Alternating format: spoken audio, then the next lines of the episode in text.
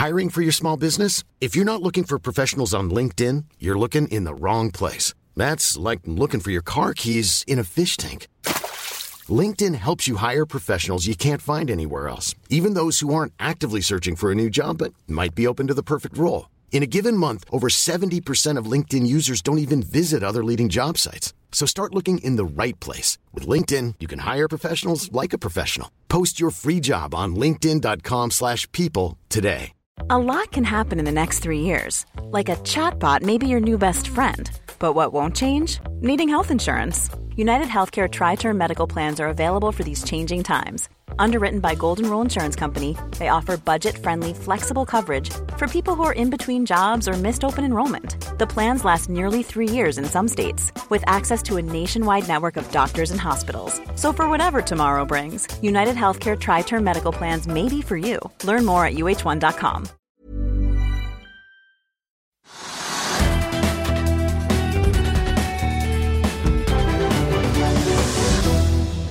Johansen og de andre snakket liksom om å stramme til enda mer, og det, det er ikke bra. Det er ikke bra. Det som imidlertid er bra, det er eh, det her. Og det har gått bra i 50 år. ja, det er ganske morsomt. Hvordan føles det? Eh, ja, det, for det første, ja, for det første så syns jeg det er morsomt at Kapital har kommet ut i 50 år. Men at Kapital har kommet ut i 50 år, 50 år som er etablert av meg og meg som redaktør, betyr at jeg er kjempegammal. det er ikke noe, det er ikke noe kokettering det som er over, men at jeg skjønner jo det at når bladet er 50 år, da er jeg ganske mye eldre. Så, men det har vært en utrolig reise, og eh, jeg har levd godt hele tiden. og og i dag den der bladet her, har vi jo den gjennomgang av historikken. Alle de sakene har vært gjennom og borti. Alt fra Obo-saken til politikere og masse andre saker. Svindel og bedrageri opp og ned. Og svindel mot Røde Kors. Det er, det er så mange ting. Og nå da en av journalistene fikk i oppdrag liksom, å gå inn jeg hadde litt avstand til det, gå inn da liksom, og lage en historisk gjennomgang fra begynnelse til slutt. Så er det nesten skremmende hvor fælt det har vært, og hvor morsomt det har vært å være med på det. Så det har vært en uh, kjempemorsom sak. og det, ja, Hvilken sak husker du best? Jeg husker Obo-saken best, for jeg var liksom, Obo så er liksom kjempen i norsk Bare fordi at du fikk fengselsstraff? Jeg fikk fengselsstraff også. ja, poenget, poenget var at det vi klarte å dokumentere, for at det kom noen til oss, var liksom, så de fikk nesten i fanget, de, de, de, hadde, da, de hadde da smurt uh, ledende sånn, øh, ansatte i Obos for å få de jobben med å legge et nytt tak eller reparere en dør eller ny, whatever. Mye var mye tak. Så smurte de da liksom ledende forvaltningsansatte i Obos for å få de jobbene. Så skrev jeg det at det var, at det, at det var korrupsjon i Obos. Og så hadde jeg tape med de som hadde innrømmet at de hadde gjort det. Og folk fikk liksom, reiste reist til Kiel med Kiel-fergen. Da fikk de konvolutter med penger og sånn. Obos altså fikk penger i, i cash. Eh, Så det var helt korrupt. Eh, Og det kunne bevises. Men da- likevel. Så gikk jeg i fengsel fordi at da høy, Også Høyesterett kom til noe så tåpelig som da Oslo tingrett kom til. For øvrig, dommeren var da en var tillitsmann i Obos. så Det var helt sirkus. Altså, I gamle dager kunne man gjøre hva ja, i gamle dager kunne gjøre hva du ville. Det var helt sirkus. Men i alle fall så sa de at ok, sa også Høyesterett at vi, vi, vi ser det at det har vært korrupsjon, og det har betalt penger, og det har gjort masse rart, og reparert biler og mye rart. Men Hegnar og Kapital kunne ikke bevise at det at da en mann fikk en, en konvolutt med penger eller noe annet, at han da hadde gitt tak A eller B eller C eller bygg 400, gitt dette den spesielle entreprenøren, de kunne ikke bevise at det hang sammen. Så selve korrupsjonen og det at det, det ble et tak, og hvor mye det taket ble dyrere enn det ellers skulle vært, var ikke bevis. Og dermed så sa det var ikke korrupsjon. Det er, den jussen er ferdig, altså. Jeg skulle til å si det, at det- Hadde den saken vært godt, hadde den gått nå, så hadde vel eh, Ja, da, altså korrupsjonsbestemmelsen da du og det suste med en eneste gang. Du bør ikke bevise da det at det taket ved siden av ble tre kroner dyrere per kvadratmeter fordi det da var en korrupt mann som hadde liksom gitt ordren. Altså, det er en helt håpløs greie. Men jeg fikk fengsel og, og, og, og masse bråk, og det var uh, den morsomste saken. Det, det, så det var en stor sak å holde på i evigheter, og det var re- rettssak. Og, og, det er ikke alltid gøy å stå oppi, da. Jeg, skulle skrive blad også, stå i retten i dagevis og greier. Men det endte med fengsel. eh, og så ble det satt litt ned fengselsstraff. Jeg husker ikke hva den ble satt ned helt til slutt. Ja. Men det ble satt litt ned da. Men, men det morsomme, en morsom sak var da Dette var midt, midt på 70 70-tallet. Da var det da en SV-politiker som da ønsket å få litt mer diett enn han da hadde, hadde, hadde krav på. Så i stedet for å si at han bodde i Oslo, som han gjorde, så sa han at han bodde i Fredrikstad. Og det fikk jeg tips om at han bodde ikke i Fredrikstad. så han tok, fikk dobbelt så mye diett som han skulle ha. da. Det har vært noen sånne lignende saker senere også, ikke sant? Med, reiseregninger og tull. Helt opp til vår tid. Dette var midten av 70 på midten av 70-tallet, og det er en SV-politiker. Kjent drone til Fredrikstad, da. Og så fant det stedet han sa han bodde. Der var han jo ikke. Og det var ingen andre som kjente til der den boligen heller. Men da, var jeg så, da var jeg, ble jeg litt perpleks. da. Jeg sto i døra og snakket med fremmede mennesker, og så sa jeg liksom at jeg var Per Hansen fra, fra Fredrikstad. Det var ikke bra. Det var ikke bra, så det fikk jeg da. så når Journalistlaget syntes at det var helt forferdelig at jeg kunne si at det var et annet navn. Jeg skulle sjekke noe lov. Jeg var jo stolt av at jeg dro ned der og fant ut at han ikke bodde der, og at han begynte å betale tilbake pengene og sånn. Det gjorde han. Og søkte ikke på flere penger. Men journaliststanden de ga meg en, en, en bot på vegne av standen. At det, sånn kunne man ikke drive som en ung journalist. Ja, det var jo bare morsomt, altså. Men det var ikke lov, det. Nei, og i dag, Hvis du finner en alvorlig sak, og det finnes jo gode saker på det, hvor da våre konkurrenter har gjort gode ting med falskt navn i ja, jeg beklager det er ikke konkrete saker, men kom, mine konkurrenter gjort gode jobber. Og da får du SKU-prisen. jeg fikk bot, jeg. det er ikke noe å klage på. Det har vært utrolig, altså det, det er å drive kapital i 50 år. Altså Det er dobbelt så lenge som mine barns alder i dag. De er 25 og 27 år. Det er, det er nesten ikke til å tro. Og så er det slik at bladene kommer og kommer og kommer. Og, og, og, det er like gøy hver gang. Det er like gøy å lage forsiden som jeg gjorde denne gangen, som den gangen. Det, øh, så det å drive journalistikk og på en måte og det, det, det, pulserer hele tiden, stopper aldri opp, så er det en utrolig altså, det, det er en lykkefølelse. og man, det er liksom, man skal være ydmyk for at du får lov til å drive med noe som er så gøy som det. Og så har jeg da vært litt dum, fordi at jeg har jo da jeg hadde holdt på med kapital i 50 år, og jeg hadde ikke fem øre. Jeg hadde ikke telefon, jeg hadde ikke kontor, jeg hadde ingen ansatte. Så er, historikken er ganske morsom. og det er faktisk For mange gründere vil det være ganske interessant å se hvordan man går an å starte fra scratch uten å ha fem øre. Jeg hadde ikke telefon engang. Ikke hadde, fem øre. Du hadde jobb, da? Jeg hadde jobb, jeg jobbet i Sporveien. som forsker. Først som forsker, og så jobbet jeg i Sporveien. Uh, man fikk ikke så høy lønn som forsker i staten, da.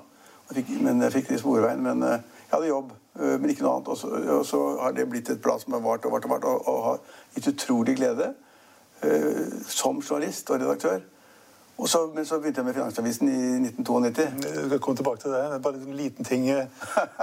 Hadde du hadde du takka ja, ja, til den jobben som faren din mente du skulle ta? Da hadde, da hadde det kanskje ikke blitt noe av? Nei, Det er også en søt historie. fordi at akkurat jeg skulle begynne med Kapital, bare noen uker før, så en eller annen mystisk grunn så hadde da sjefen i DNC, som det som er nå DNB, da, Norges største finanskonsern, de hadde funnet ut at de gjerne skulle ha meg som rådgiver. Jeg kan ikke helt skjønne hvordan de fant frem til meg der, men, men det, jeg har en viss anelse, da. Men iallfall så var det ja, så han ene het Bang, han andre het Damman. Det var to toppsjefer, og de ville ha meg som rådgiver. Eh, og jeg var en kjempeung mann, så det var jo Og det tenkte jeg liksom Jeg hadde studielån og billån og, og huslån, så jeg tenkte det var veldig fint å begynne å få jobb i bank, da. De ordnet alltid med lånet, går jeg ut fra. Og så og så fortalte jeg det til min far at jeg hadde fått tilbud fra DNB om å være rådgiver for de folk som han kjente. fordi at min far jobbet hos Rolsen Olsen, og Rolsen Olsen var stor kunde i banken. Eh, så de kjente alle sammen. Og så sa jeg, jeg sa nei takk, nei, det sa jeg nei takk til, for det var mye gøyere å være journalist uten fem øre. Og da var det bare Da var det jo familiens overhode trodde liksom at jeg hadde mistet helt taket på det. Mm. Og, og, det var sannsynligvis riktig. Også, burde, burde kanskje blitt bankssjef. Eller banksjefs rådgiver. Denne her, eh, det magasinet her er da 50 år, og neste år så er Finansavisen 30 år. Ja, altså, det var det jeg skulle til å si. At uh, Siden jeg syns journalistikk er så morsomt, da, når vi snakket litt om det her, slutten av uken, så, så, så det er også ganske under nesten at Finansavisen kommer og er 30 år. For der har konkurransen vært mye tøffere. Da Kapital begynte, så var det ikke konkurranse i det hele tatt. Uh, men Finansavisen kom da mot Dagens Næringsliv, som har blitt et etablert og bra produkt. Eh, så at vi turte å satse på det, var ganske gøy. Men det, er jo da mye mer jobb for meg. Så jeg skulle vært pensjonert banksjef. De går vel av når de er 62. Så jeg skulle jo gått rundt og pusla på golfbanen et eller annet sted og, plukket blomster og sånn, og i 20 år allerede, tenker jeg. Nesten 20 år. Eh, eller jeg skulle da Ja, jeg kunne vært pensjonert banksjef eller pensjonert redaktør, da. Men så ble det også Finansavisen, som gjør at vi da er både i det segmentet med bladet, og så er vi da i, i det pulserende nyhetsbildet som du er en del av, og som vi nå har gjort masse i år. Eller i fjor, fjor, fjor og året før. For å bli digitalisert og komme ut av Finansavisen på nett osv. nå har vi bladet der, og så har vi Finansavisen, som da på en måte er papirproduktet. Uh, som jeg hele tiden har forfektet. For jeg, jeg liker papiraviser. Mens du og Sten Ove og min sønn og sånn liksom vil ha, eh, dere vil ha det digitale produktet, som vi har. Og begge deler. Og så I samme bygning der så har vi også da ABC Nyheter, som da på en måte vi kjøpte for et par år siden. Så vi har liksom allmennmarkedet med mange millioner brukere og seere hver dag. Og så har vi Kapital, og så har vi da Finansavisen. Og det er jo for å si altså, det er skita gøy. Ja, det, det er, Drivejournalistikk er så morsomt.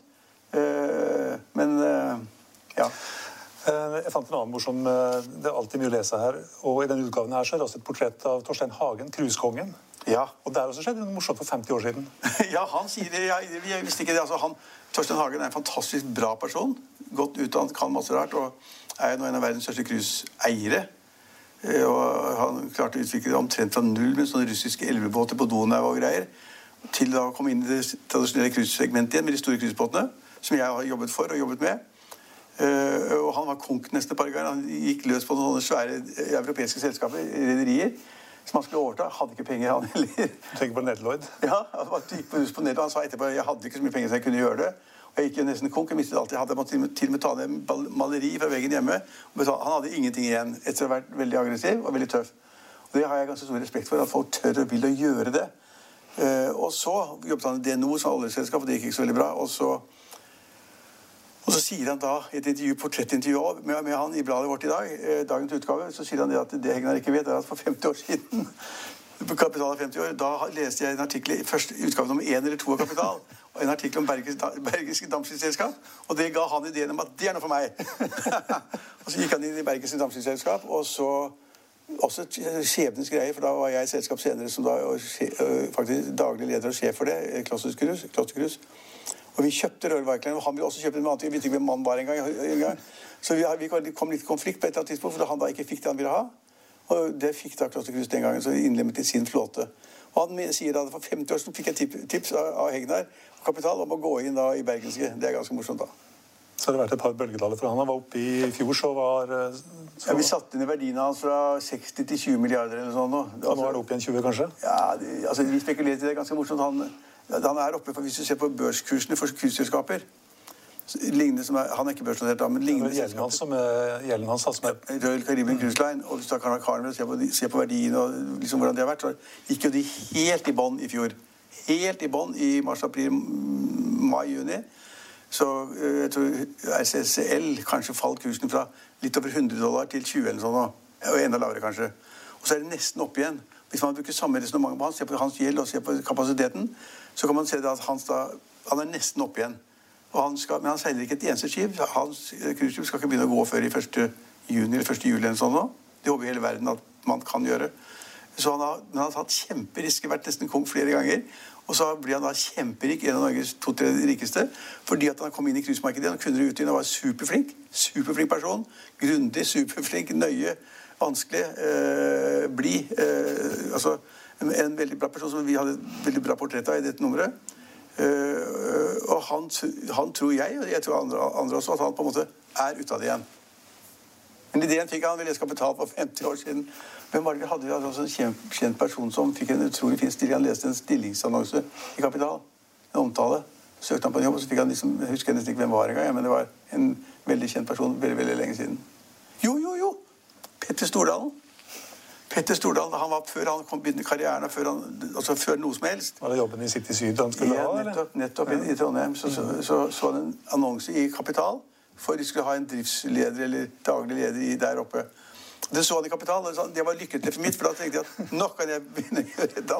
Og da skulle han noe penger, han skulle bare bli ansatt, og han mente han var veldig god. Lurer på ikke han hadde gått på det der kjøpmannsinstituttet, eller hva det var, han også, ja, som alle andre var. Stein Hagen har vært, og så videre. Og han jobbet jo da i Sten og Strøm. Ble uvenn med Hagen, ble sparka fra Sten og Strøm. Må si være forsiktig hva jeg sier, for Hvis jeg sier noe feil, så får jeg Petter på tråden om tre sekunder. Men, men, men det var iallfall slik at han da jobbet i Sten og Strøm, og det, jeg tror han snudde det opp ned. Og, og så ble han uvenn med Stein Erik Hagen, og så ble han, ble han sparka. Og så skulle han ha en ny jobb. Og da leste han Kapital for å få da den stillingsannonsen. Reiste til Trondheim og fikk jobben og endte, snudde det til rundt. Og så Det var liksom starten på hans karriere før da å liksom være i varehandel og gå inn i hotellindustrien. Og nå har han problemer også, for at nå er det er ingen som reiser på hotell lenger. Så, altså, det går opp og ned. Altså, du skal, men du har litt stayerevne, så må du ha litt flaks. Må ha flaks, Og så må du ha litt penger. Og så Ja, du må ha penger. Og så ikke noe gjeld. Vel, det er bare jeg som ikke har. Det er fordi at jeg er litt gammeldags. Så det, du har jo jobbet med meg så lenge. at du vet at, så dette huset her det er et ganske godt eksempel på hvis du liksom er litt forsiktig og litt gammeldags og litt konservativ. Så da jeg bygget dette eh, kontoret, som, hvor vi alle er, så lånte jeg ikke fem øre. Jeg synes det var så deilig å bare ta cashen sånn. Vær så god. Ferdig betalt. Men, det, men da, hadde man lånt penger, så kunne man hatt flere bygg. ikke sant? Ja, men når tidene går ned kunne gira det. kunne gira det. Sånn som Stordalen har gjort. Sånn Stordalen har gjort. Men når tidene blir litt dårlige, så er det litt mer skummelt. Det er mye bedre å ha bygg. Og hvis man noen gang skal selge noe, så får man jo alle pengene sjøl. Alle andre, Hvis de selger noe, så må de gå og gi banken 60 eller 70% ja. det, er, det er litt filosofi, dette. og så er det litt morsomt, så Historikken er litt morsom. Men det er morsomt å lage et blad etter 50 år. Faktisk morsomt. For en sporveisansatt den gangen som jobbet i Sporveien. Vet du, mitt- kontor var, men altså, Det var ganske morsomt. Jeg jobbet i Sporveien om dagen, da, og så jobbet jeg med Kapital om natten. Eh, og så da begynte jeg å interessere meg for det som du er veldig god i, i teknisk analyse. Så på mitt kontor i Sporveien, i åttende etasje var det vel, når folk da i Sporveien så kom inn, de holdt på med rutetabeller og, og skipsplaner og greier sånn. Så det var et svære ark med sånne kryss og rundinger. Og jeg førte da sånn teknisk analyse på enkelte selskaper. Og de som kom hit meg, spurte hva er det for noe, Hegnar? Point and Det er figure-analyse. point and figure-analyse. Så jeg leste en bok fra utlandet og lærte meg alt om point and figure. Vi ga den ut også, faktisk. Ja, du skrev en bok. Ja, ja, ja. Men jeg da, i Sporveien var ikke veldig, veldig vant til point and figure-analyser. Hvordan kursen gikk på morsomme tider, altså. Ja, det morsomme tider. Man lærer mye. Da får vi vel eh, runde av der, tenker jeg. Ja. Vi kunne snakka litt om eh, politikk òg, men det får vi Ta en gang, det, ja. Det er, eh, Venstre har fått mye penger fra Kristin Sveaas og Stein Erik Hagen. Ja. Det er ikke noe Ja. ja. Mm.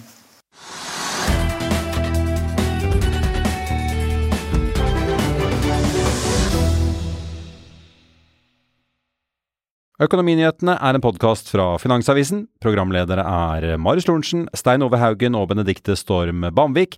Produsenter er Lars Brenden Skram og Bashar Johar. Og ansvarlig redaktør er Trygve Hegnar.